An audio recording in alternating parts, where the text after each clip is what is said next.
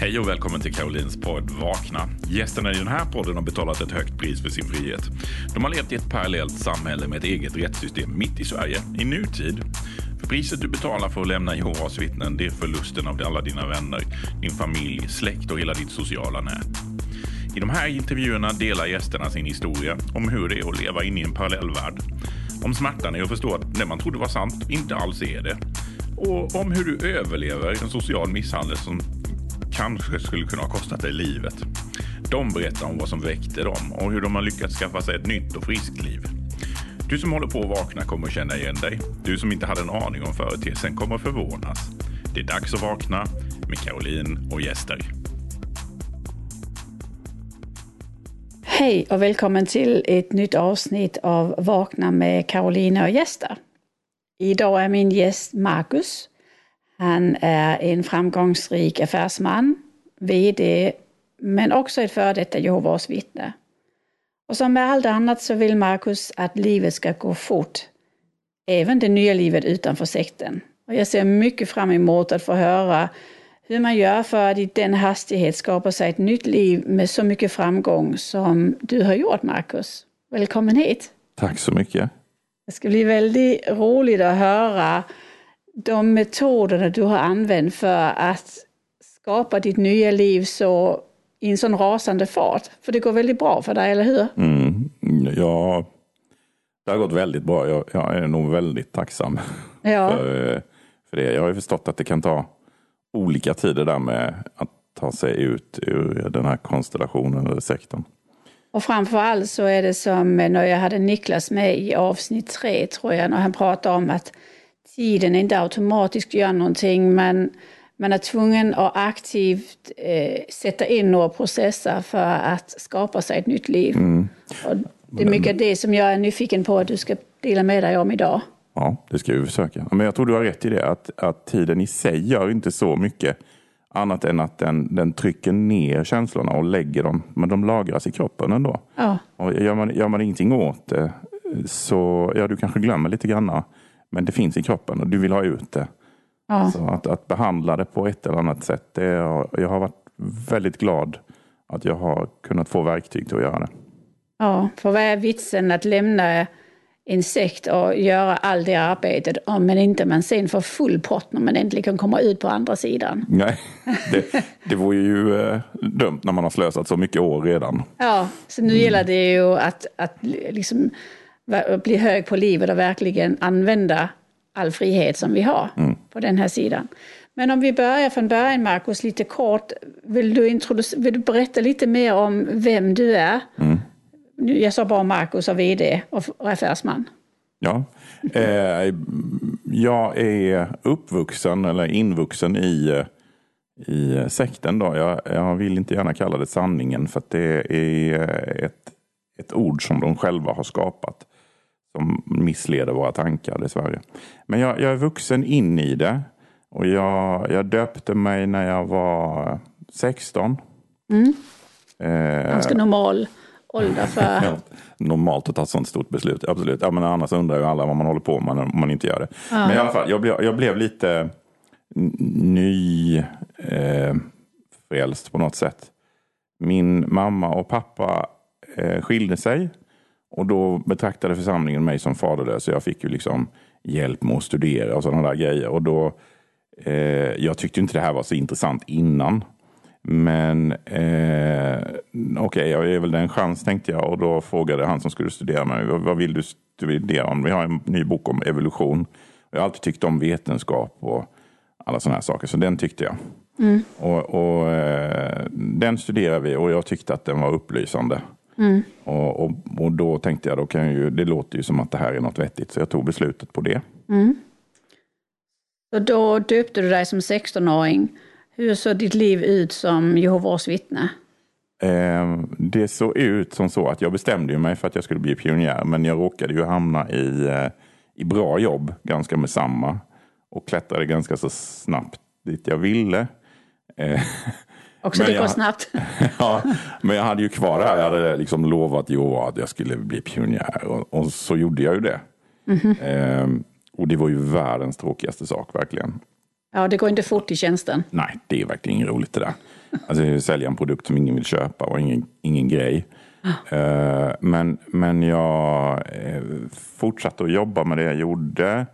Och det fortsatte klättra där på deltid faktiskt. Och sen så här, när det hade gått ungefär ett år så fick jag och min fru vår första dotter. Och då tog jag det som första chansen att helt enkelt, nej jag måste ju försörja familjen. Så att nu går det inte att vara pionjär. Så det var ju kvickt och det. Och det var väldigt bra. Eh, och istället så, så klättrade jag. Jag har alltid varit så. Jag tycker att jag tycker om att påverka saker. Eh, ja. Kan man förbättra, kan man göra någonting bra så gör jag gärna det. Och, och då eh, fick jag hand om räkenskaperna i församlingen. Och, ja, det hade jag fått redan innan i och för sig. Det fick jag som tonåring.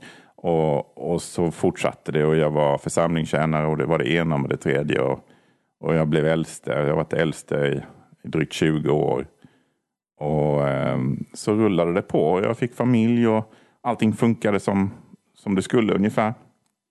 Men eh, du gjorde ju en, en spikrak karriär i Jehovas vittnen. Hur såg det ut i arbetslivet? Jag kanske ska säga först att man får någon uppfattning om vad, vad jag gjorde som Jehovas vittne. Mm. Jag, jag var äldste och jag blev eh, tillsyningsman för tjänsten som det heter, vilket i praktiken är försäljnings och marknadschefen i en församling eh, som ska snajda siffrorna innan kretstillsyningsmannen kommer på besök. Mm. Eh, och på det då så fortsatte jag som sådan tillsyningsman för tjänstegrupp som det heter och lite sånt och sammankomsttalare eh, och föreläsare som reste ut till andra församlingar. Det var ganska roligt sådär.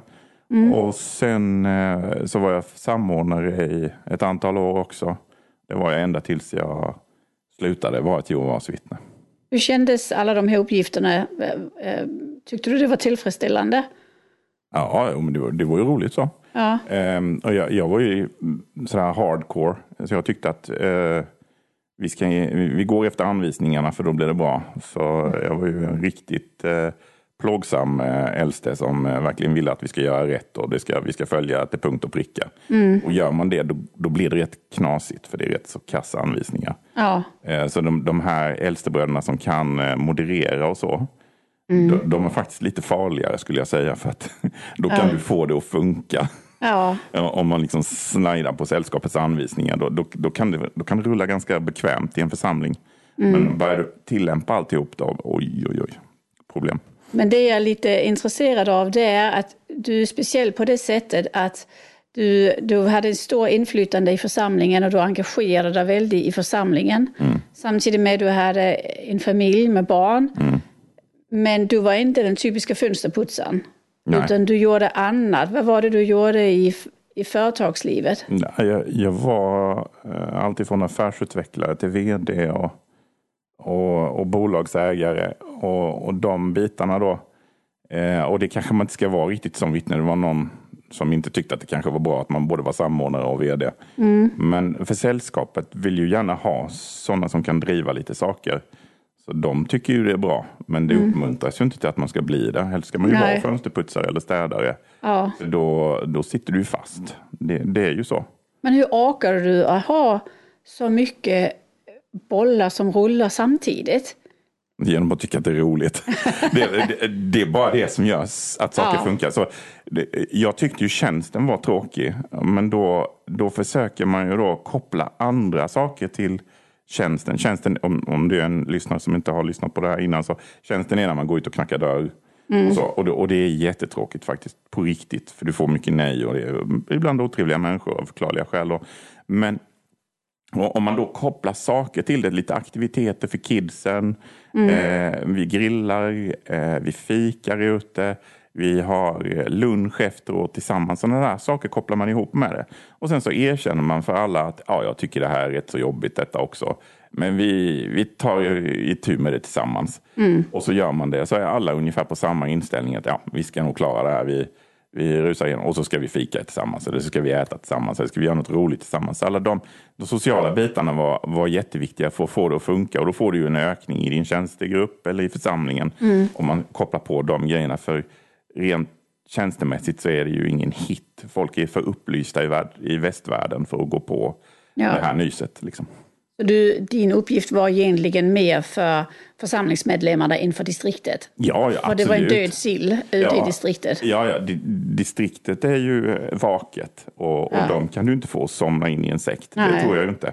Men, men, och så vi ser det bara som ett upp, uppdrag att eh, vara där, finnas till handa och liksom klara oss själva. Och I det så, jag och många, och, och många av mina vänner som var äldste, vi tänkte ju inte så mycket på att det kanske var så himla sant, utan att det var mest det här som man brukar säga, best life ever. Vi har ju vänner överallt och man är trygg och det är bra, bra normer och så. Eh, någonting jag har kunnat granska i efterhand att det kanske inte var riktigt det.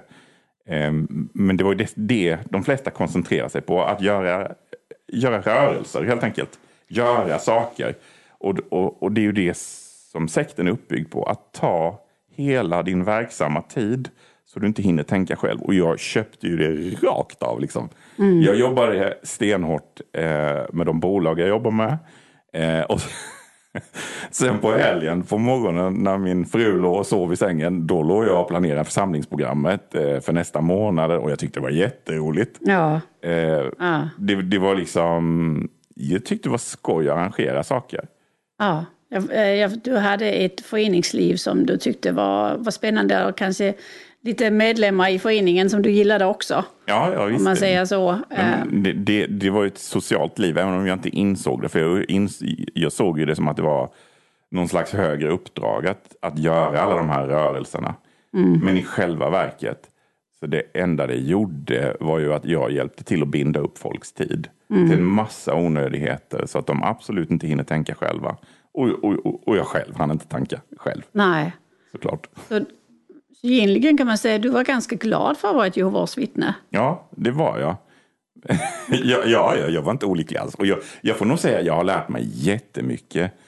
Eh, och jag är väldigt tacksam för de upplevelser jag har haft och allt jag fått lära, sig, lära mig. Man säger ju det att en, de bästa säljarna, ja, de hämtar du från Lux Business School, alltså de som säljer dammsugare vid dörren, Ja. och Jehovas vittnen. Ja. Och, och det har vi ju alla eh, som har varit Jehovas vittnen vet ju att eh, förklara en sak som är svår att förklara. är vi duktiga på med enkla ord. Vi är duktiga på att, in, att ta nej. För det är det som alla i samhället är rädda för. Vi kan ta ett nej vilken dag som helst, inga problem. Vi fortsätter att sälja ändå. Vi går till nästa och sen försöker vi igen komma tillbaka och se om du har ändrat dig nu. Kan vi hjälpa till nu då? Så, så det är en fantastisk utbildning man får. Och i offentlig taleskonst, fantastiskt. Det var dammsugaren det där. som lät. Ja, ja, och, det, och det är ju också någonting man har nytta av. Massa små grejer. Eh, Ta folk. Ja. Ja, men hur länge... Vad var det som hände? För det, det låter som om du hade ett ganska bra liv som Jehovas vittne och du var glad och du kände dig tillfredsställd. Så varför lämnade du? Ja, det... ja, jag hade ju aldrig lyckats ta mig ur detta om jag inte hade blivit utesluten. För jag, jag hade ju hållit kvar, jag hade hållit på med det här hur länge som helst. För jag fattar inte. Men vem utesluter en sån samordnare, tjänstetillsyningsman, driven förkunnare som dig? Det låter ju helt knasigt. Ja, nej, men det, det, det var för jätteenkelt. Så var, eller jätteenkelt. Jag, jag kan berätta hur det gick till. Ska jag göra det? Ja, jag tycker du ska... För jag får inte ihop det här. Jag, jag älskar ju då att utveckla bolag och, och få det att växa och, och få saker att bli bättre. Så, eh, min bror han hade eh, hittat en, en kurs i Los Angeles som skulle handla om detta. Och jag kände till den där föreläsaren, hade läst in mig på den, mycket intressant. Och det var fyra dagar. Och i 2017 i oktober så åkte jag dit eh, och eh, tog den här kursen. Och under den kursen så, så blev jag varse att ja, det här är metoder som har hjälpt försäkringsbolag som redan omsätter miljarder dollar i USA att öka ytterligare 30 procent på nolltid. Det är alltså metoder som funkar, men jag kunde inte riktigt förstå varför de funkade. Det var lite så för mig, så var det, och okej, eh, kan jag göra det här som Jehovas vittne? Eh, Vad var det som var, som var tveksamt som ett Jehovas vittne? det var att, att eh, lära sig att sätta tillräckligt höga mål och lita på att det löser sig. Vad är det för fel i det? Som ett Jehovas vittne är det lite problematiskt då, därför att man, man ska ju ägna all tid på sekten. Man ska sätta, som det heter, Guds kungarike först och så mm. kommer allt det andra sen. Mm. Och det är också att sätta någon form av mål. Men det, det kunde jag inte riktigt eh, hänga med på. Mm. Plus eh, lite grann att man skulle lita på att, att saker kommer att lösa sig. De kommer nästan till dig om du gör på det här sättet då. I kombination med vissa tekniker som man gör med sig själv egentligen. Det låter som eh, attraktionslagen. ja, det, det, visste inte jag någonting om då, eh, attraktionslagen. Jag bara tyckte att det lät lite woo-woo, lite konstigt så. Ja. Men, men, eh, men du gjorde det ändå? Jag, jag, jag gjorde så här, okej. Okay. Vi gör så här, jag, jag testar detta. Mm. Och så eh, om det funkar så får jag lura ut efteråt varför det funkar. Och när jag börjar göra det i kombination med en annan sak som jag har förstått är jätteviktig. Det här hade jag börjat med redan tidigare. Jag hade börjat varje morgon. För jag är en ganska, jag är en ganska glad människa. Så när jag hade suttit och druckit mitt morgonkaffe så så tittade jag ut genom fönstret och då såg jag det var lite gröna löv och det var vår och det var sommar och det var katt. Och, och jag satt och alltid, alltid och tänkte på vad fint jag har det, vad underbart det är. Livet är rätt bra faktiskt. Det är riktigt bra. Så tänkte jag varje morgon på, på bra saker. Och, och jag tror att det var det som gjorde att i slutändan jag hamnade där jag gjorde. För när jag hade varit på den här kursen i Los Angeles så en av de viktigaste punkterna var just tacksamhet att varje dag skriva tacksamhet på morgonen. Minst tio saker. Och de flesta tycker det är jättesvårt att skriva tio saker man är tacksam för på morgonen. Eh, och det var det för mig också. Men eh, jag har fortsatt med det nu. Nu dyker det ju lätt upp 20-30 saker. Jag nästan hejda mig. Men, men det ställer om huvudet på en till att vara beredd på förändring. Eh, för, för du, du förstår hur lyckligt och gynnade, lottad du är som lever här på jorden nu och får njuta av allt detta. Mm. Och det är precis tvärt emot egentligen vad, vad givedoktrinen handlar om. För givedoktrinen handlar om att du ska, det är en ond värld runt om oss. Allting är hemskt. Uh, det, är fear-based. Den baseras på att få dig i, uh, i en, en slags rädsla. För då är du lättstyrd.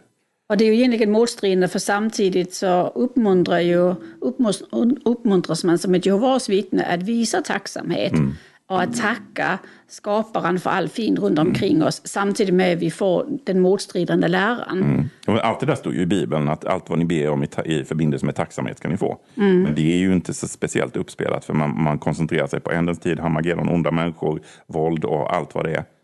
Sen då, var det en annan sak som väckte mig också. Jag läste och lyssnade på Hans Rosling som är en underbar forskare och statistiker. Mm. Han, han gjorde gjorde det väldigt tydligt att det blir faktiskt inte sämre på jorden. Det blir bättre om du tittar på fakta. Och det blir det även idag när vi läser en massa saker i tidningen. Så ser du att de skriker hemskt, farligt, dumt och allt möjligt. Men tittar du på fakta på hur det har blivit, alltså riktig, riktig info, bara titta på, eh, på SCB själv. Eh, undersök vissa saker om du har lite frågor så ser du att eller eh, Brottsförebyggande rådet har bra siffror. Då ser du det är inte, eh, det är inte ökning av våldsbrott, det är inte ökning av, av en, en massa saker som media smäller upp. Det, men sällskapet tar ju tag i det. För att så fort du får någon att vara i, i, en, i en rädslobaserad verklighet så krymper fokuset. Och du har väldigt svårt att se dina egna möjligheter. Och då är du mer öppen för att vara ödmjuk, som det så fint heter. Mm. Det vill säga öppen för att någon annan styr dig. Så om inte du styr dig så, så har du en annans agenda som styr dig. Och det var ju det som hände oss alla. Man, man var ju styrd av scheman dessutom, så varenda timme var upptagen. Så det som egentligen hände, det var att du började att skapa din egen värld av tacksamhet och fina saker och plötsligt så såg du nya möjligheter. Ja, alltså jag, jag blev ju smartare hela tiden. Ju, ju mer tacksamhet jag tog in, desto mm. mer så öppnas sinnet för alla möjligheter som finns. För när, när vi är rädda, då stänger sig fokuset hos dig. För då är det bara, då ska du fight or flight. Du ska, du ska fly, springa någonstans. Så, så eh, det, det försvann ju hos mig. Alla de här dumheterna då.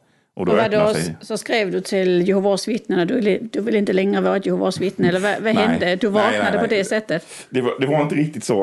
Eh, det var ju en hel del möjligheter som öppnade sig och en av dem var att eh, en eh, dam kom in i mitt liv som var lika driven som mig. Och jag är så tacksam för det, men jag tror inte mitt, mi- vid det tillfället var inte min exfru så lycklig över det, men, men vi jobbade lite grann ihop och eh, vid ett tillfälle så, så insåg jag att jag är nog förälskad i den här damen och hon eh, insåg detsamma. Och det, det funkar inte i Jehovas vittnen trots allt. All normal statistik i eh, västländer visar att man byter partner ungefär mitt i livet. De flesta gör det. Eh, om de inte haft en fantastisk tur att växa tillsammans på samma sätt. Eller om de inte haft oturen att de bara håller ihop och så dör relationen men de är tysta liksom nästan när de är tillsammans med varandra. Men de hyllar antalet år. Om, om man inte tar, är någon av de två då, då är det faktiskt vanligare att man gör ett skifte någonstans i livet. Därmed inte sagt att man måste vara ovän med sitt ex. Det går alldeles utmärkt att som Petter Stordalen resa på semester tillsammans med både sitt ex och eh, den nya sambon där och, och ta med alla barnen. Det är fullt möjligt att göra saker trevligt och snyggt. Och det tror jag faktiskt. Och det var nog någonting som formades i mig ja, strax efter på detta. Ja, förlåt, jag svarade inte riktigt på frågan. Ja, det, var, det, det som hände var att jag blev förtjust i den här personen. Eh, tänkte att det här går ju inte. Så det la jag på framtiden. Men så ville jag samtidigt veta om det var sant. Så att det, eh, jag skrev ett brev till, eh, till den här damen och bad henne göra samma. För jag tänkte, det, om, om det här är riktigt då måste man bara nagelfara. Stämmer detta eller är det bara en sån här förälskelse då? Så då, då skrev jag alla skäl för det. Och dumt nog så lämnade jag det i min arbetsväska. Och det hittade min fru. Naturligtvis. Ja. Och sen var hela karusellen igång. Jag hade inte gjort någonting. In, in, vi hade inte gjort någonting. Eh, inte pussat, inte hållit i hand, inte, inte något. Nej. Men, men eh, strax därpå då så började vi få ta tag i det. Och när det blev eh, tydligt att eh, vår relation kanske inte håller. Så ja, sen, så, sen hände det ju saker med mig och den här damen. Och då strax, eller innan det hände så hade jag redan avanmält mig som samordnare. Det här gick jättefort. Det gick inom loppet av några veckor. För jag tänkte jag kan inte förr eller senare så måste jag göra det här bytet och då är det väldigt jobbigt på avdelningskontoret om jag står som samordnare när det händer. Så jag, jag avgår som samordnare först och så tar man det därefter vad, vad det är som det blir av detta då. Så det gjorde jag. Och sen så hände det som hände och då var både jag och den här damen väldigt öppen om det och då blev det ju kommitté omedelbart. För hon var ju ett eh, vittne också då. Och eh, mina kära vänner som satt i kommittén, eh, de eh, gjorde det som man ska göra. Då, då, då försöker de hitta spår av ånger, eller ånger, för då behöver man inte utesluta. Och då sa jag bara det att, ja, kära vänner, liksom, vi, det är ingenting att göra här.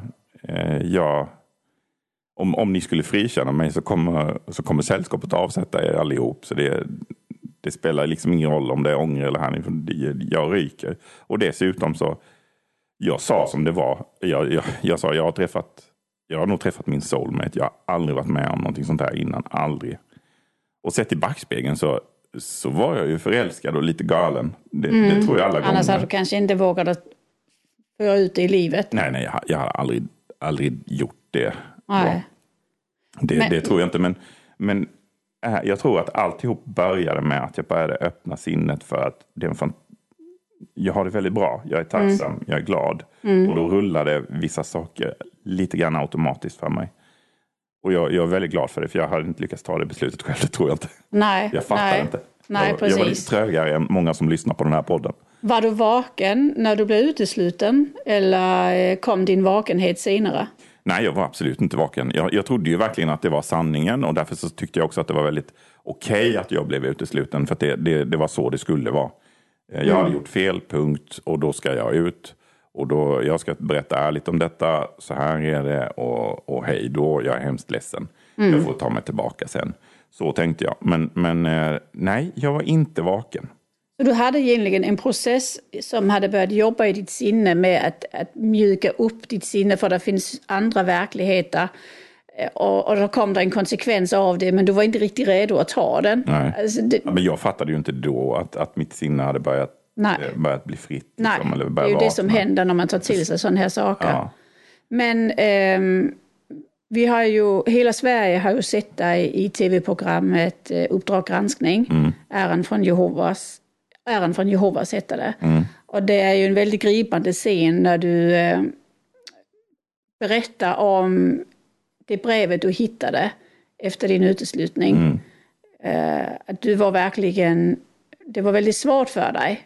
För du blev utesluten, du var vaken och det hände mycket i ditt liv. Nej, jag var inte vaken. Nej, du var, precis, du var inte vaken än. Eh, men det som jag tror är väldigt intressant att framhäva det är att från då tills nu har det gått fyra år eller knappt fyra år. Mm. Men väldigt snabbt kom du på fötterna igen för att vara så här i källaren som vi ju ser det du uttrycker i, i programmet till där du är idag är det ju en helt annan värld. Ja, ja du, absolut. Du, jag ska bara hur... först säga, det som var i UG då, eller Dag granskning, det var, det var en ren tillfällighet. För jag, jag letade de hade velat ha ett blodkort då. då. Ja. Det, det tänkte jag, det har jag bland de gamla anvisningarna mm. för blod eh, och så. Det var då jag hittade brevet och jag bara, det hade jag helt glömt. Men jag var riktigt under isen. Jag, jag hade kunnat stryka med. Eh, mm. Och jag är en ganska så stark person. Ja. Eh, så det, det förvånade mig i efterhand. Men samtidigt förstår jag då hur farlig den anordningen är. Mm. Där man socialt utefryser människor. Mm. Så, men, men, det var faktiskt uteslutningen som väckte mig. Inte min, faktiskt inte min uteslutning. För jag, jag tänkte att den här eh, soppan har jag gjort, den får jag ta liksom. Ja. Men, utan det var eh, den här damen som eh, jag eh, hade träffat. Hon blev också utesluten. Men hon... eh, ska vi se så jag säger detta rätt då. Hon Eh, var ju gift med någon som eh, jag var missbrukare helt enkelt. Och hade det väldigt tufft. Och eh, det, hennes uteslutning hanterades korrekt enligt anvisningarna då. Hon åkte ut. Men sen eh, den som inte åkte ut var hennes make och det var väl fine. Men grejen var att det hände lite saker efterpå med eh, alltså rena felsteg som begicks. Och eh, jag hade det på film. Jag hade annan dokumentation. Eh, och jag sände det till mina vänner, eller före detta vänner och sa det här är ju fel, det här måste ni ju kanske ta tag i då för att hålla församlingen ren som det heter. Det vill säga, jag for efter att någon annan också skulle bli utesluten för att de gjorde fel. Jag trodde det var rätt liksom. Du fortsatte som äldste fast på utsidan. Ja. det ska ja, vara rätt och ordning och reda. Ja, så tokigt vet du. Nu måste ju församlingen hållas ren, det ja. förstår ni väl? Ja, så. Jättedumt vet du. Men så, äh, fatta vilken jobbig äldste jag måste ha varit. Ja, Till och med som utesluten fortsätter du.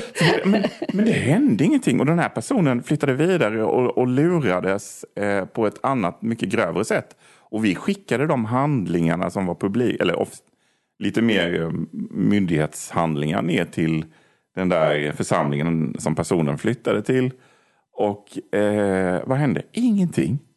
Och då började, då började jag något, vänta här nu, det här är ju jättekonstigt. De mm. vet och de har fått info och ändå, det här upprepade. För att liksom gör du en sak som Jehovas vittne så kan du få stanna kvar och lite beroende på hur snälla äldstebröderna är då, som ju bara är vanliga familjeföräldrar, mm. då kan du få stanna kvar. Men, men när man gör upprepade saker då ryker man. Och sen så händer ytterligare en jättegrov sak i ett annat land med den här personen som inbegrep någons dotter. Och då eh, vi bara, nej men, och, och jag upplyste om det också. Hände fortfarande ingenting. Då fattade jag att nej men det här kan ju inte vara sant. Ja, det, det här kan ju inte vara en gudomlig anordning. Nej. Det, det, och, då, och då, då, det fick mig att börja vakna. Och jag, egentligen så tog det... Jag- blev utesluten sovande. Alltså jag trodde det var fortfarande var sanning och allt vad det var. Och sen tog det mig nog sex månader innan jag började förstå att det här kan inte riktigt vara sanningen. Och jag hade inte tittat på, på YouTube som man kan göra där man kan ta reda på alla de här sakerna om, om hur sant det är och, och liksom vederhäftig fakta. Det, det, jag, hade inte, jag har inte vågat titta på något av det. Jag hade inte läst boken eh, Samvetskris. Nej, man kan ju eh, inte läsa avfällig litteratur. Nej, det, det var av... Så liksom jag, jag, jag vaknade på grund av det och jag, jag, jag ville absolut inte ha någonting negativt med mig någonstans. Så jag valde att inte titta på eh, avhoppares information då. För jag tycker avfälling är också ett felaktigt ord. Det är någonting som, som den här sekten har skapat för att skapa dåligt samvete eller ge en dålig klang åt någon som har hoppat av. Det är bara avhoppare och de har väldigt relevant information. Ja. Och det har jag upptäckt sen att det är helt vanliga och snälla människor som har blivit duktigt misshandlade. Men det som är intressant är att i mångt och mycket så behövs inte ens andras information för att vakna utan organisationen i sig kan väldigt kraftigt väcka människor. Ja, som, Så eh, för din del så var det ju organisationen själv som väckte dig. ja absolut. Hanteringen av olika ärenden. Och jag, och jag lovar dig att det där var ju någon, det, hade, det hittade inte de på själva hur de skulle agera. De, de tog ju säkert råd av både kretsutredningsman och Betel på hur, hur hantera Mm. olika saker. Eh, När det, när det, var, det blev nog lite ståhej eh, Mm. ru- runt om mig och, och den här damen då. Så, så det är ju också ganska tydligt. att Man, man, eh, när man försöker följa anvisningarna, om man följer anvisningarna direkt, då blir det jättegalet. Det blir supertokigt. Men, men så efter sex månader så, ehm, så, så började du vakna till. För du hade, som jag förstått det, gått på, du ville komma tillbaka Ja, när du ja, blev utesluten och du gick på möten. ja. Och så du slutade, när slutade du gå på möten? Ja, eh, det var ju den här damens fel också lite grann. Eh, Det var ett, ett år eh, gick jag på möten. För att kanske bli, men, men under den tiden så förstod jag. Jag satt ju där på mötena och hörde att men det är ju samma sak som tidigare. Och så drog jag mig till minnes hur det var när man själv stod på podiet och drog de här grejerna. Vare sig det var i, eh, i skolan eller i, i, i det här träningsmötet, med, äh, möte för tjänst. Eller, det heter ju inte det nu, men hur man tränar upp sig för att ta dörrar och sånt. Det var samma info hela, hela tiden. Och jag kommer ihåg hur det var när man tittade ut så såg man de flestas ögon bara satt och var döda. De bara väntade på att det skulle ta slut, inklusive äldste. Förutom, om man, sam, det här måste jag säga, om man är samordnare, det är jättebra för då kan man få göra så mycket annat. Oj, det lät någonting ute i pannrummet, det är bäst att gå och kolla det. Eh, liksom, det, det tar trist, tristessen av det. Alla äldste vet, ja, man, vi måste kolla det är någonting på parkeringen eller Ja, Ja, stå liksom, för det är så tråkigt. Förutom då om, om man säger, det finns ju alltid några få äldste som ibland är väldigt ogifta. Som är jätteintresserade av eh, ordvändningarna i vakttornet och i Bibeln och ska svara på det där och tycker det är intressant. De flesta är inte det. De flesta är därför, vi träffas lite före, vi träffas lite efter mötet. Vad skoj. Ska vi träffas på lördag också? Ja, vi måste gå i tjänsten också. Ja, Det, det är en social funktion Det blir en alltihop. sammanhang, ja. Ja. Men så du, eh, man kan säga att det var ett år ungefär var du var lite i en dimma. Ja, Eh, nej, det, det var. Man, man fortsätter ju vakna hela tiden. Ja. Men, men eh, sex månader drygt.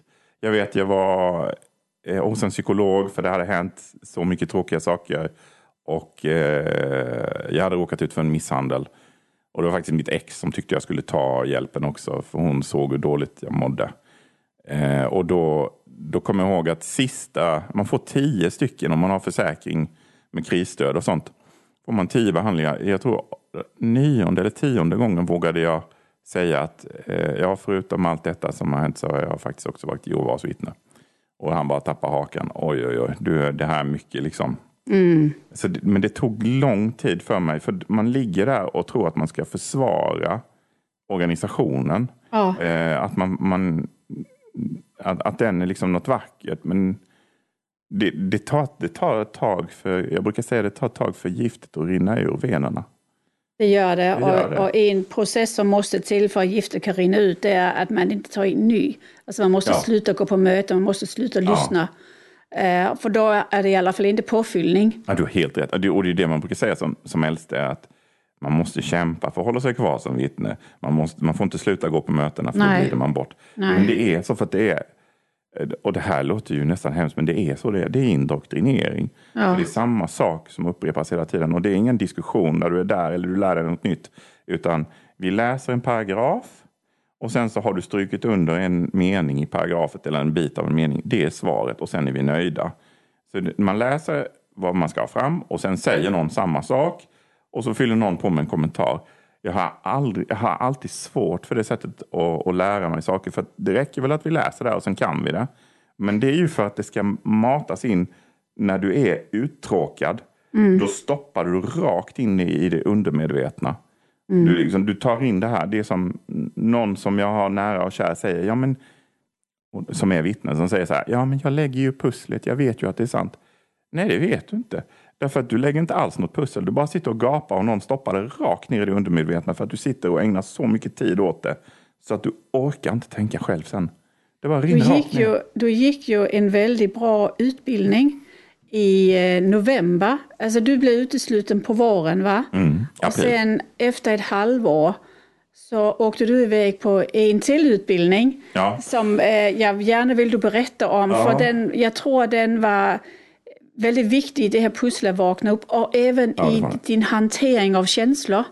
Absolut. Ehm, För det var väldigt svart och det var rörigt eh, det första halvåret som jag förstår det. de av er som har varit Jehovas vittnen och har lyckats ta er ut eller har blivit utpuffade, eh, det ska man vara tacksam för, vet ju hur svart det är efteråt när du förlorar 100% av dina vänner, det du trodde var vänner, och 100% av din släkt och din familj. Det är, det, det är jättesvårt. Det är mycket känslor där. Och där, jag skulle rekommendera att man alltid tar hjälp. Jag gjorde ju inte det. Jo, jag fick ju psykologhjälp för, för lite granna grejer. Men i alla fall. I november så fanns det en möjlighet att gå en eh, utbildning i NLP från grundaren själv. Berätta vad NLP är. Eh, NLP är egentligen eh, en samling av metoder för att rätta till känslor, beteenden eller tankar på ett sätt som fungerar. Där psykologin idag har manualer tjocka som två böcker som beskriver olika felställningar i sinnet så finns det oftast inte annat än medicin för att dämpa dem. Det finns ingen bot för att råda till rätt, komma till rätta med dem.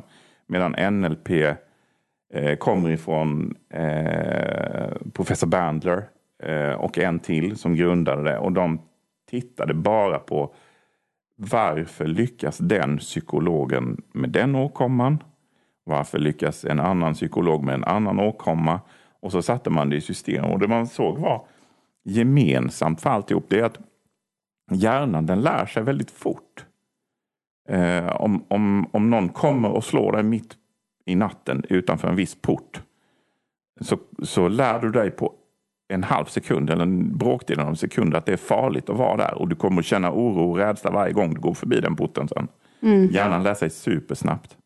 Och det går väldigt emot det som man pratar om i terapier där man pratar om att du i, i, i sju år ska, ska gå och, och försöka bli av med en spindelfobi. Eh, Och han lär ut att lika snabbt som man fick äh, ångesten, lika snabbt kan man bli av med den.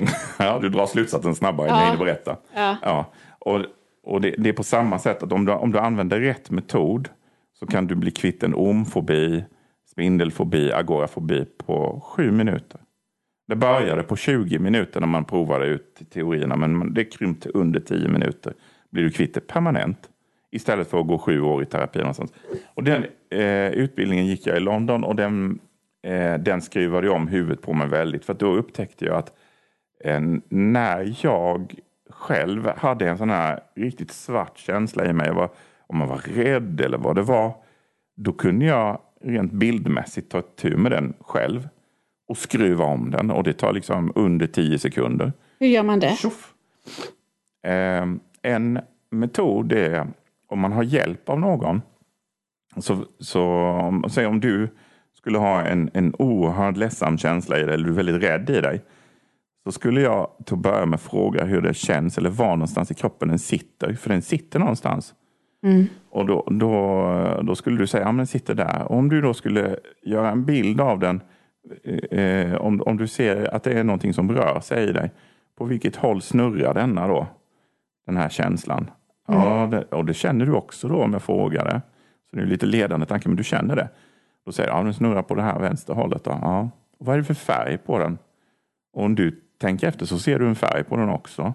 Så då har du definierat känslan och, och gärna jobba med bilder väldigt mycket.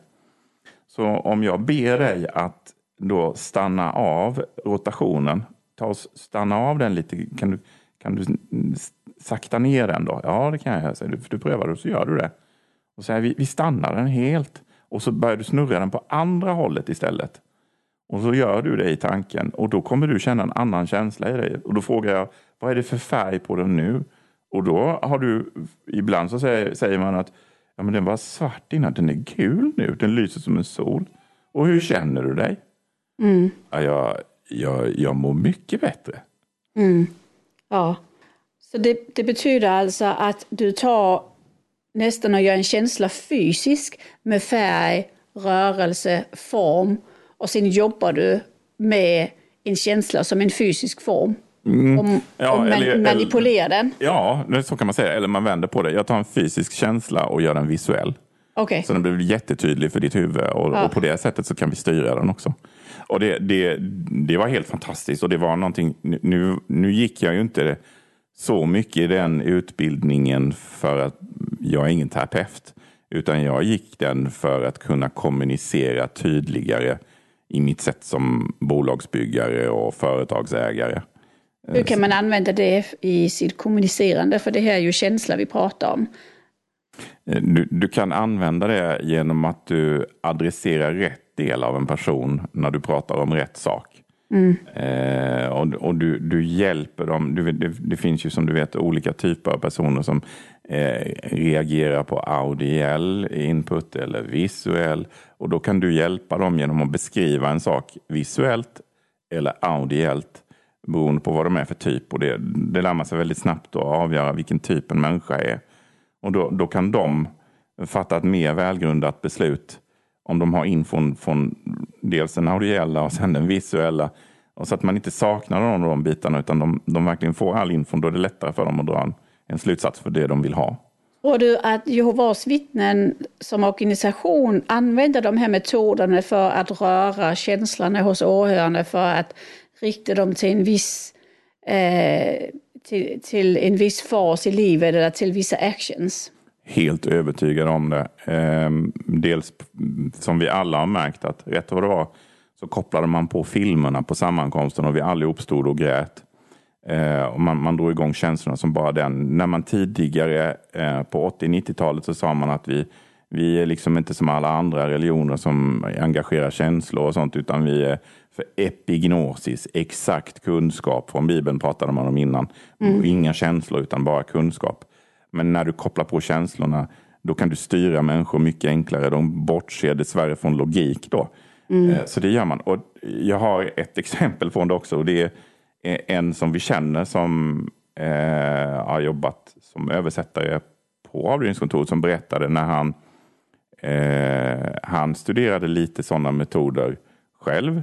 Och han, eh, just det här visualisering. Och han menade då kan man ju göra bibelläsning och bibelöversättning mycket lättare och mer tydlig om man använder det. Så de satte ihop ett förslag kring det och han fick åka över till, till eh, Brooklyn faktiskt och, och presentera det. Varpå då Eh, den som var på plats eh, sa att eh, nej, det, det, behövs inte, det, det räcker med anden. Men när den här brodern tittade sig om i rummet så hade den samma litteratur som han själv hade. Så de läser in sig på detta. Det är bara det att de vill inte andra ska ha det. De vill ju använda det för sitt syfte, ja. att styra en organisation världsvid. Ja. För det är ju sett i, när man ser utifrån så är det fantastiskt vad de kan få åtta miljoner människor att göra. Mm. Ehm, så det, du lärde dig den här tekniken. Hur har den hjälpt dig, NLP-tekniken, för att återhämta dig efter din uteslutning? Alltså det, är flera tekniker, eh, NLP. Då. Det har ju hjälpt mig på det sättet att eh, som, som barn så får man en antal paradigmer installerade i sig som både tjänar en och inte tjänar en gott. Eh, man kan tycka att man har en liten röst i sig som säger att man är usel. Som kommer eh, allt som oftast som vuxen. Den kommer från barndomen och det är en paradigm, det är en liten bandspelare som ligger och snurrar i dig. Den typen av paradigm eh, kan du plocka bort för den tjänar dig inte. Andra saker som att till exempel knyta skorna eh, på sina skor som du har lärt dig som ung eller cykla. Den paradigmen vill du inte ta bort. Men, men eh, genom vissa tekniker kan du lyfta ut sådana grejer. En av dem är hypnos. Eh, och, det har jag haft nytta av. Eh, men också genom sådana här visuella tekniker där man helt enkelt plattar till de sakerna som inte ska vara, som inte tjänar dig. Du menar som om man som Jehovas vittne har en paradigm med skuld och skam, men inte tillräckligt bra. Mm. Att Jehovas ser dig överallt. Oh ja, sannolikt har du det. Eh, ja. Att jag inte räcker till som jag är, eller jag är inte tillräckligt god som jag är. Mm. Då kan man med den här tekniken komma ner och, eh, och justera det. Ja. Eller helt enkelt plocka bort det som är skadligt. Ja, det kan man. Och, eh, du kanske inte behöver gå till någon NLP-terapeut. Eh, så. Eh, det kan du göra om du vill, men man, om, om man vill börja med att rätta till saker så skulle jag säga att man börjar med tacksamhet. Man tar och skaffar sig antingen en tacksamhetsbok eller vanligt block. Och så gör man en deal med sig själv att varje dag, varje morgon vid frukost så ska jag skriva tio saker som jag är tacksam för. I, i, tio rader bara. Och så ska jag känna efter på varje också. Kaffet är jag tacksam för. Mm. Eh, katten, ja, underbart. Eh, tacksam för mina barn. Och så känner man, och så kör, kör tio saker. Gör det varje morgon, för då kommer du att hitta de saker som du eh, har i störst nytta av att jobba med. Ja. Men framförallt så blir du väldigt mycket gladare för att du ställer om hjärnan på dagen från att vara eh, i vad det är nu du vaknar i eller vad det är nu nyheterna försöker programmera dig till att vara rädd för en massa saker. Så ställer den in dig i att jag är redo, jag är redo att ta emot mer bra saker. Och då kommer du att ha fokus på bra saker hela dagen och vara tacksam för en massa grejer. Så det skulle jag säga, börja med det, det första du gör om, om du ska ändra på någonting. Eh, sen, sen, kan man, är det, är det, riktigt grova saker, ja, men då, det finns terapeuter överallt som kan ta tag i det. Ta någon som är välrenommerad och, och eh, vad det än är. Hypnoterapeuter är ju jättebra för att de kan, de kan gå in och adressera precis det du vill ha. Det finns andra tekniker också med repetition och man kopplar känslor och visualisering för att plocka bort saker hos sig själv så man inte behöver någon annans hjälp. Men eh, ja, börja med det. Tacksamhet skulle jag säga. Och tacksamhet, eh, den har, jag vet att du har kopplat den också till vad du fyller ditt sinne med. Så det är inte bara att du vill uttrycka tacksamhet, men du är också väldigt selektiv till vad du fyller ditt sinne med. Ja. Berätta lite om hur, hur du gör för att ladda ditt sinne positivt och med tacksamhet. Ja, kan, kan vi bara säga då, vi, vi hörde ju alla, både som små och vuxna i den där organisationen, att det, man ska inte spela våldsspel och titta på våld på tv och sånt. Då.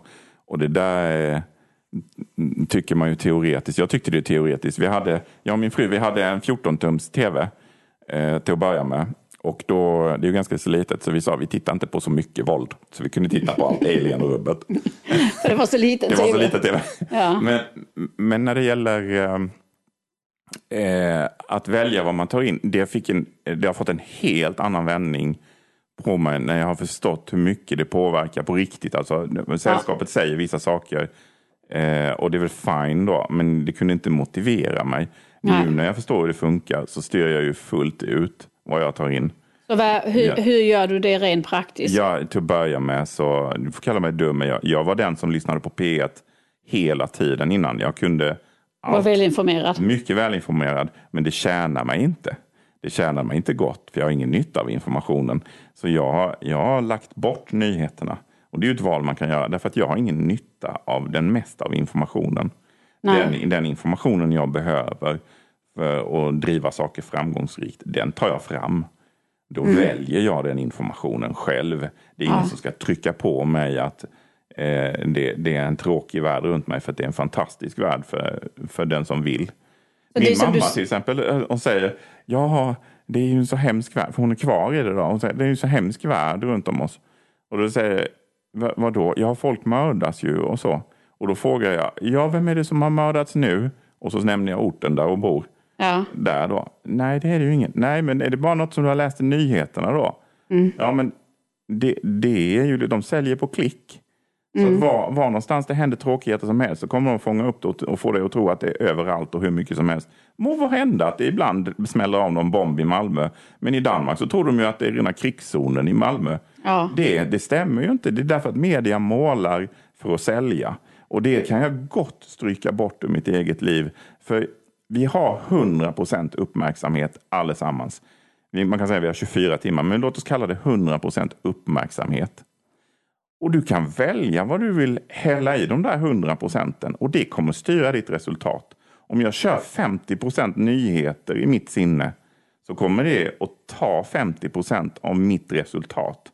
Mm. Om jag kör 50 procent av det jag vill ha och 50 procent tacksamhet, om det nu var det, då kommer mitt sinne vara väldigt ljust. Jag kommer ha mycket kraft att göra det jag vill och jag kommer bli framgångsrik i vad jag vill och det är jag. Jag... Så det som du egentligen säger är att samhället använder samma principer som Jehovas vittnen gör. De gör folk rädda. Ja. Och då kan man inte tänka. Så ja. Jehovas vittnen är man rädd, är rädd för Harmageddon, rädd för att göra fel. I samhället är man rädd för alla möjliga saker som kan hända, som i realiteten ofta inte händer oss. Nej. Så samhället har ju gått på, på autopilot med det här och det är ju för att man ska sälja annonser och klick. Ja.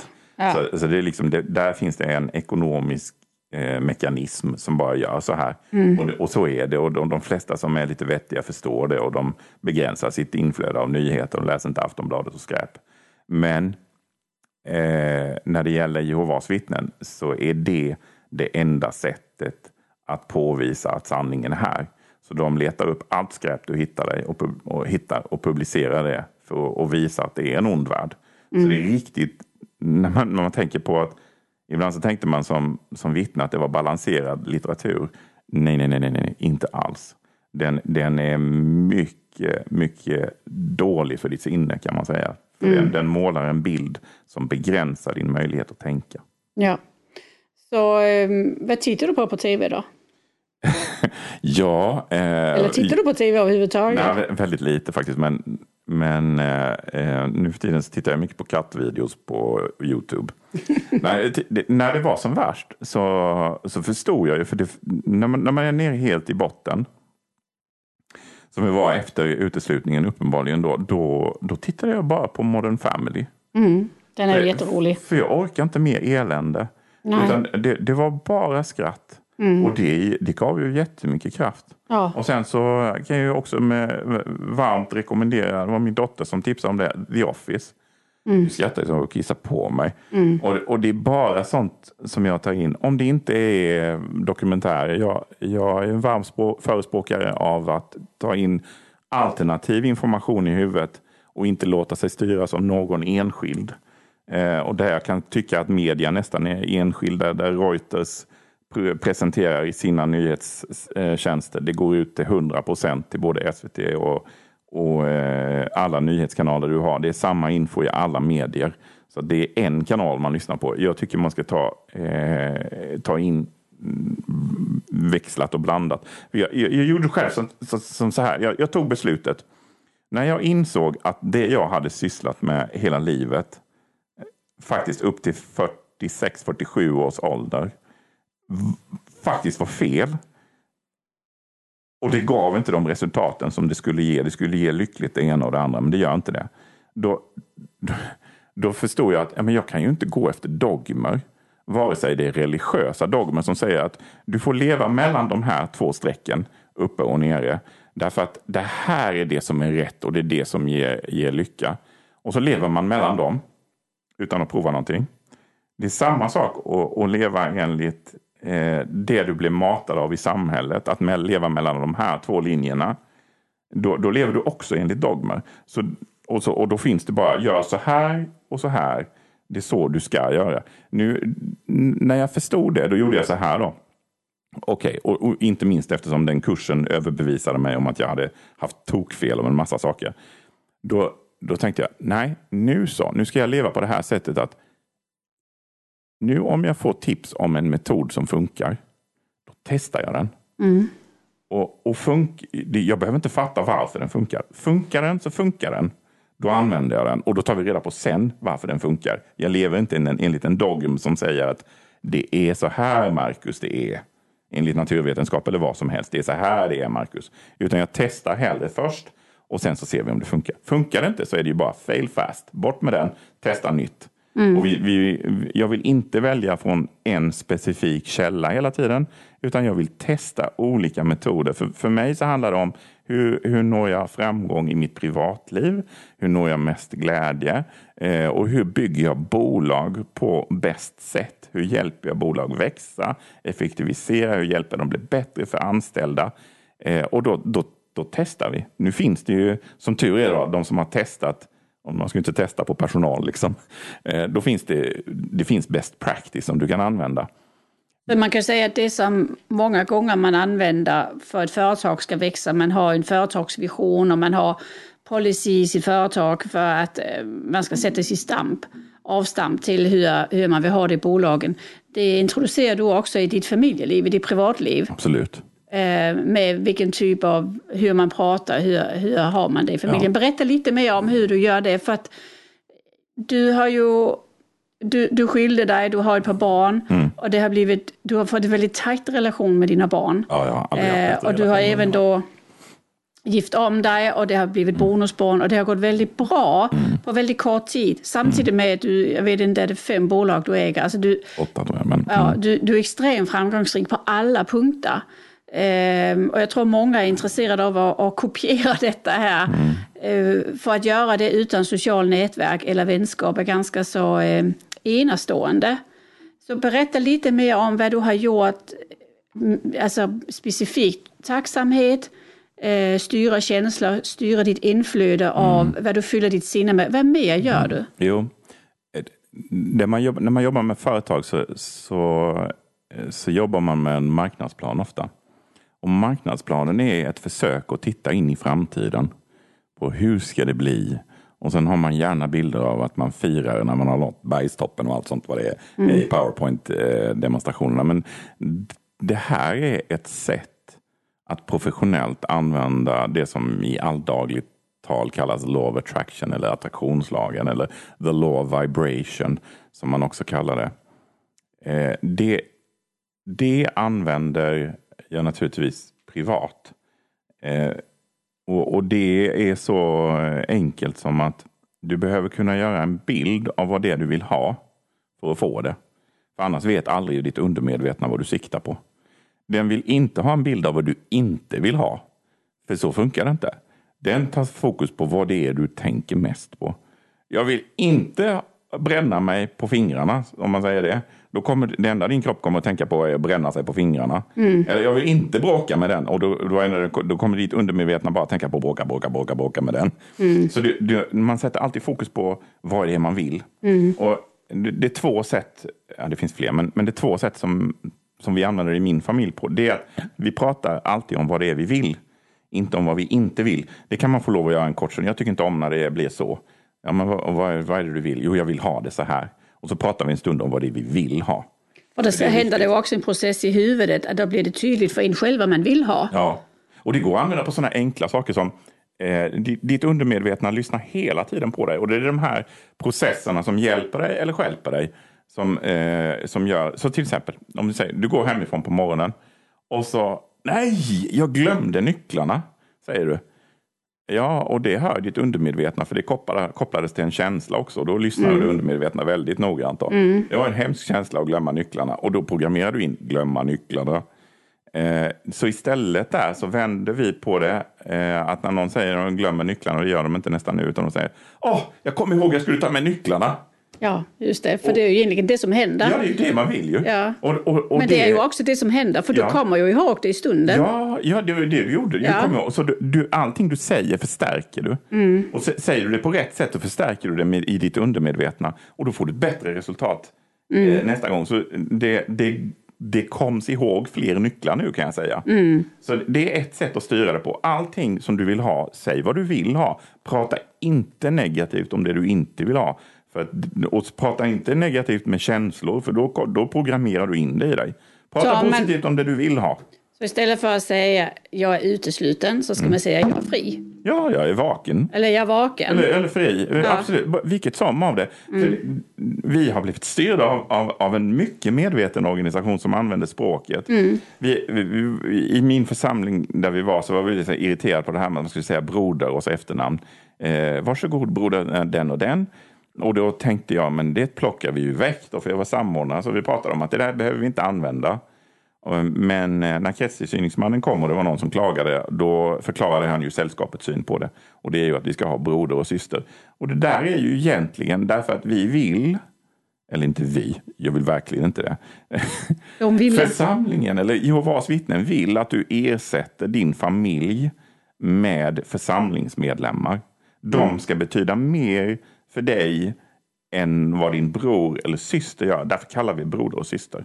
Mm. Det, det, är så det är upplagt. Det är så galet det är. Det är därför de kallar det sanningen. För om du inte är i sanningen, vad är du då? Då är mm. du i lögnen då? Ja, du är i alla fall inte i sanningen, så du kan inte vara att lita på.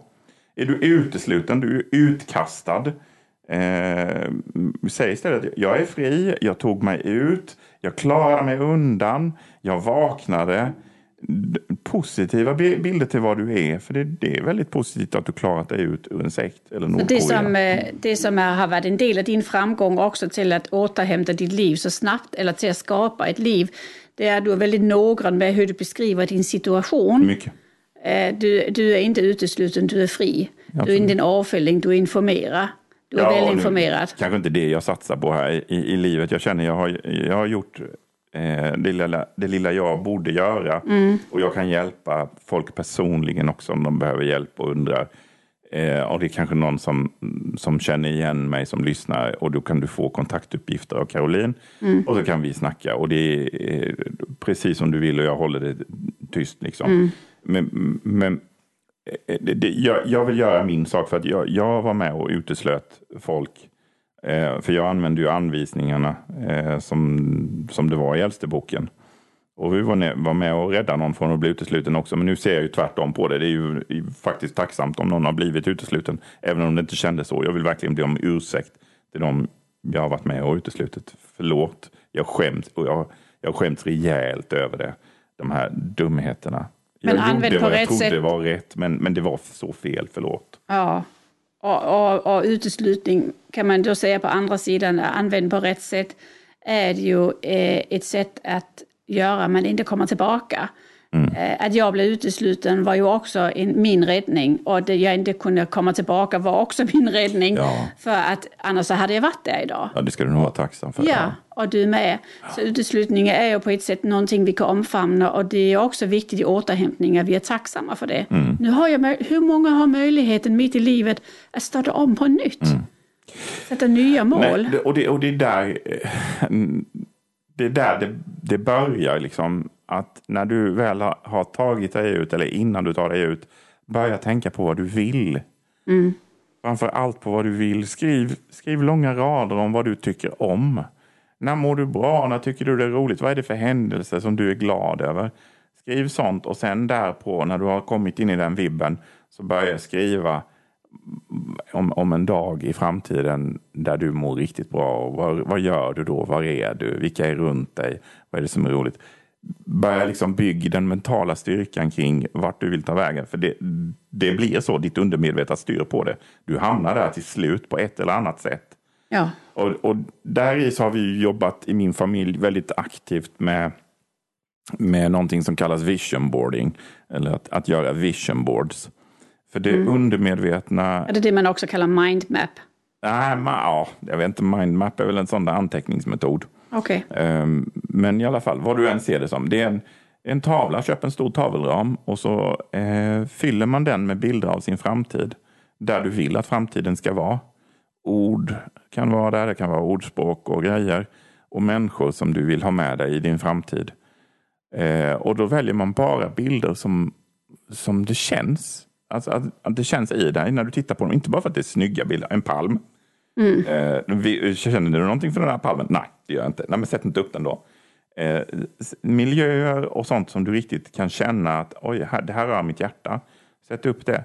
Och vitsen med en vision board är att det gör det tydligt för ditt, ditt undermedvetna att styra dit. Ja. Att det, det är dit jag vill. För annars så kommer du att, att om man säger manifestera by default.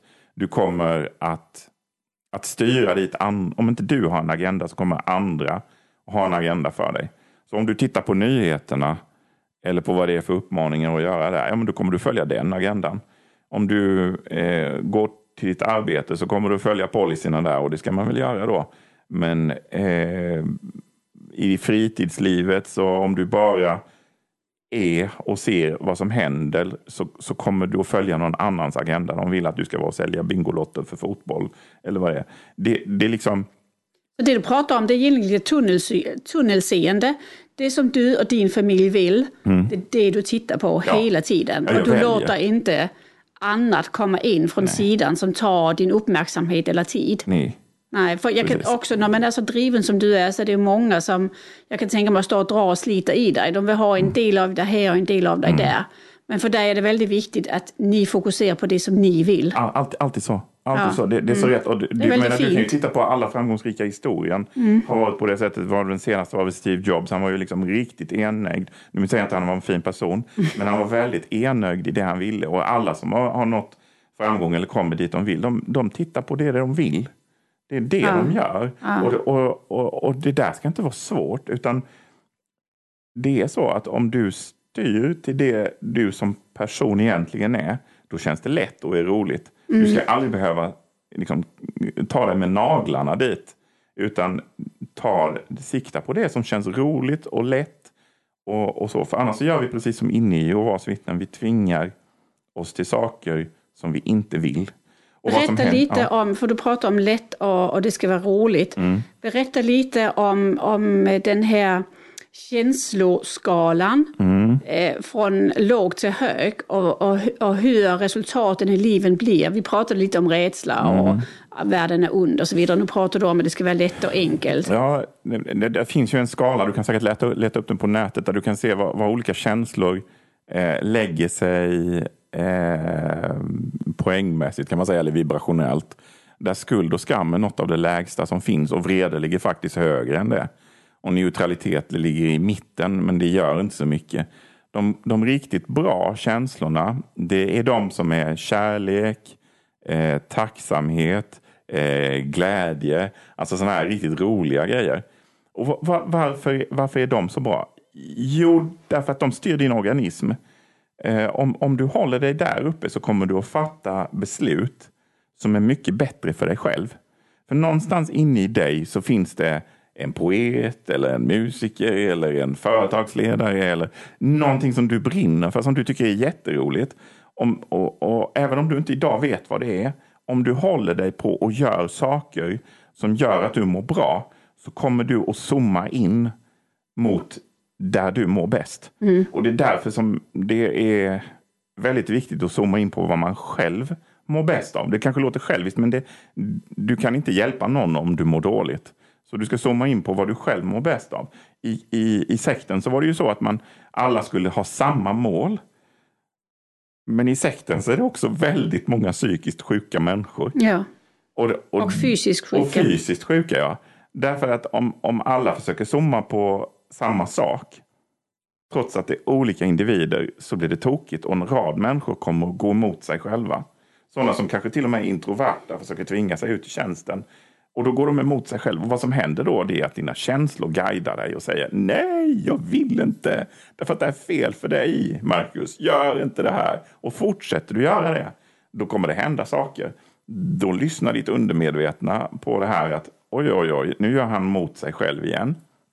Och vad som händer då det, det är att kroppen börjar dra i glatt muskulatur för att säga nu gör du fel. Du tänker fel eller du gör fel. Så nu, nu måste vi hindra dig här. Och, och, glatt muskulatur, vad är det för någon? Jo, det är sånt som till exempel vener, artärer. Om, om kroppen drar i det då får du ont i huvudet. Det kan vara i ryggmuskulatur eller magmuskulatur. Du får problem med, problem med matsmältningen. Ryggmuskulatur får ont i ryggen naturligtvis. Alltihop är för att kroppen signalerar du gör någonting som du inte är gjord för. Det här är inte för dig. Lägg av. Sluta tänka på det här sättet. Sluta agera så här. Och då säger den så. Och du går till doktorn. Och då säger doktorn, jag ser inte, det finns inget fel på dig. Eh, jag, kan, eh, jag förstår inte. Nej, men det, det är inget fel på dig egentligen. Det är, det är din guide, ditt guidesystem som styr dig till att säga du måste sluta med det här, Marcus. Ja, precis. Så det är ju lite motsägelsefullt för ett av de fina skriftställen som man ofta läser i Jehovas vittnen det är ju Galaterna 5. Mm. Kärlek, glädje, frid. Alltså andens frukt. Mm. Alltså det vi ska bejaga. Mm. Och det är ju mm. egentligen det du pratar om, kärlek, glädje, frid, långmodighet. Alltså de här härliga sköna känslorna ska mm. vi bejaka. Mm. Men då kan vi ju inte göra saker som gör vi inte mår det. Alltså då kan vi inte utföra saker som är emot vår natur. Som en introvert går i tjänsten eller en väldigt blyg måste stå på podiet. Ja, eh, eller ett barn måste predika om sin mamma och pappas religion i, försam i vid skolan som, och det tar emot i hela kroppen. Men, men det är för att religion eller sekt har gått till att bli ett maktmedel för att sköta ja. om fastigheter ja. i princip.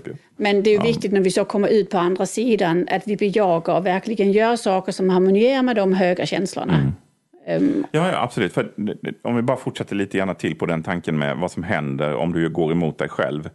Och, och, du, du blir ju psykiskt sjuk till slut. Liksom. Men, men det kan ta rent fysiska eh, uttryck. För, kan du tänka dig vad som händer om glatt muskulatur drar i dig och säger lägg av med det här nu då.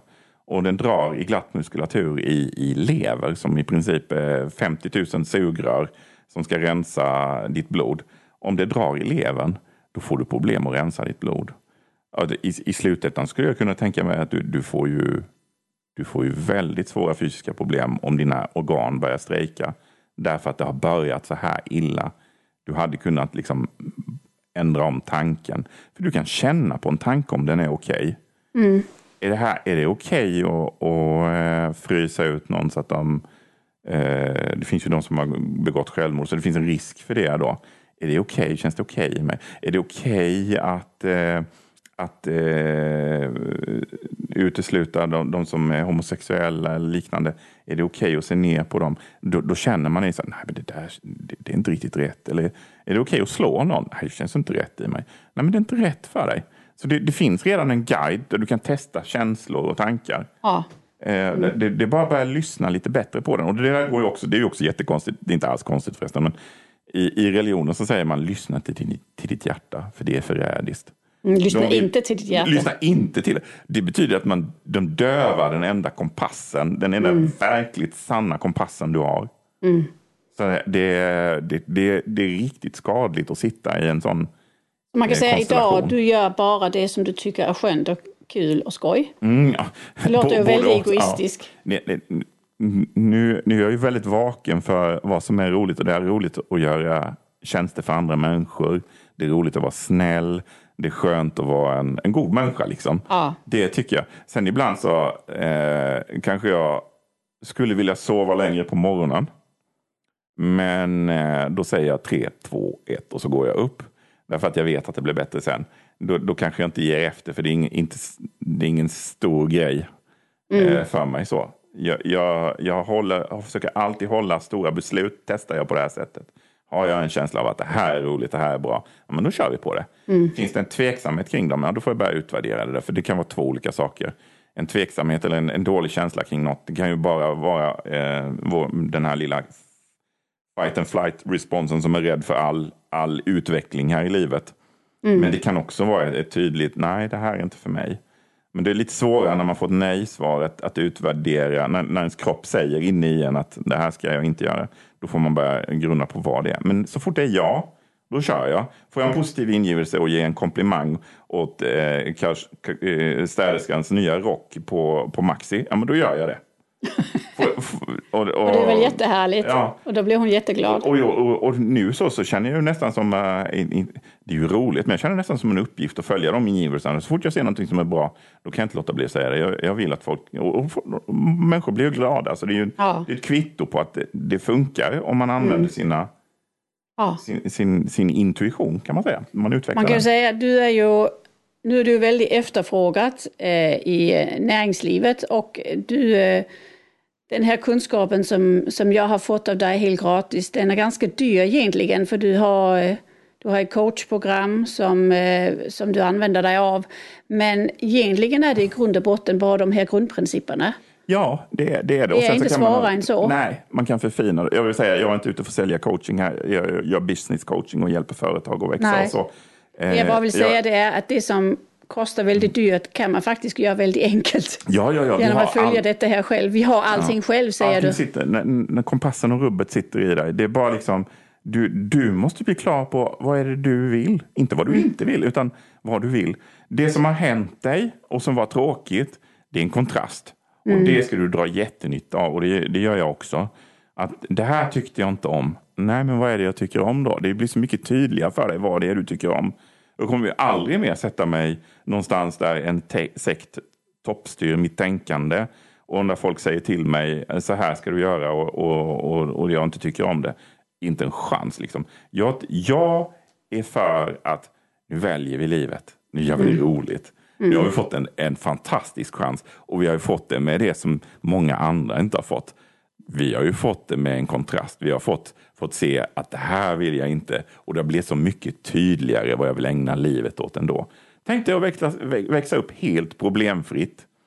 Eh, och, och, och vad, vad, vad ska du satsa på då? Ja, men jag läser lite tidningar och ser vad det kan vara roligt och så tar vi det. Men om, om du har haft förmånen att växa upp någonstans där du varit begränsad på ett, ett eller annat sätt. Ja, men då vet du vad du vill. Jag vill ha frihet, jag vill göra så, jag vill göra så. Det är så lätt att navigera när man har fått förmånen att, eh, om man nu får kalla det det, Ja. att få hamna i en sekt och börja Ja, med. Man är lite visare per automatik om, om man använder det här rätt. Så ja, men det är nog det jag vill säga. Jag är Ja. väldigt glad för att det har gått som det har gått. Och det har gått väldigt fort också. Ja, det får jag säga, för du har varit utesluten i fyra år. Mm. Men redan efter ett år var du ju bra på rullning Mm. eh, i ditt nya liv. Och, eh, Ja, vi, vi- jag har ett fantastiskt liv med min fru nu. Jag, det, det är riktigt roligt. Vi gör precis vad vi vill. Eh, och vi, vi hjälper människor eh, att utveckla sig själva och sina bolag. Och vi skrattar mycket. Och vi gör, vi gör i stort sett bara affärer med sådana vi känner vi kan skratta med. Vi, vill, vi vill kunna driva på för det positiva för alla vi träffar.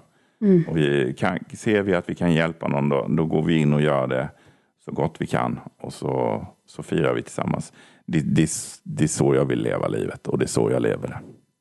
Tusen, tusen tack Marcus för att du vill vara med och berätta om tacksamhet, känslostyrning, vision board och, och alla andra fina tekniker som, har använt, som du har använt dig av för att, att få det här livet som du har idag. Tack så mycket. Det var roligt att få vara med. Det var väldigt roligt. Och får jag, får jag skicka en hälsning? Det får du gärna göra. Ja. Till alla er som jag vet lyssnar där som fortfarande är kvar inne i klubben, bokklubben, sekten eller vad man kallar det, eller Jehovas vittnen. Eh, jag, jag tycker så jättemycket om er. Jag har ingenting emot någon av er. Eh, och jag bara längtar efter den dag då, då ni vaknar, eller ni vågar visa att ni vaknar, för jag vet att en del av er redan är halvvakna, speciellt ni som är äldste. Så jag säger, det, det, gör inget drastiskt. Ta och fundera lite och det finns sätt ta sig ur utan att det behöver kosta hela livet. Liksom. Men det, jag får säga, det är en, eh, det är en sån uppgradering av livet så det är helt otroligt. Eh, jag finns där ute. Närhelst, om du vill dricka en kopp kaffe med mig eller någonting annat så kan vi göra det i skymundan. Om du vill göra det som, eh, som vittne eller så och växla några ord. Då bara vill ringa. No, inga problem. Fråga Caroline efter kontaktuppgifter så löser det sig. Jag önskar allt gott till alla, även de som väljer att stanna kvar där inne. Eh, Det är fine, alla väljer sitt eget liv. Det var en väldigt fin avslutning, eh, får jag säga. Så eh, än en gång säger jag tack så mycket. Tack så mycket. Vill du vara med i Vakna med Caroline och gäster? Att dela med sig av sina upplevelser kan frigöra en hel del blockeringar och hjälpa dig vidare i livet. Det är ofta helande och läkande att höra sig själv berätta vad man har varit med om och som man faktiskt har klarat av. Det är som en tung ryggsäck som man kastar bort för att gå vidare med nya och friska krafter. Besök reject.com och anmäl ditt intresse om du vill vara med. Knappa in r-e-j-e-c-t.com reject.com. Du är varmt välkommen.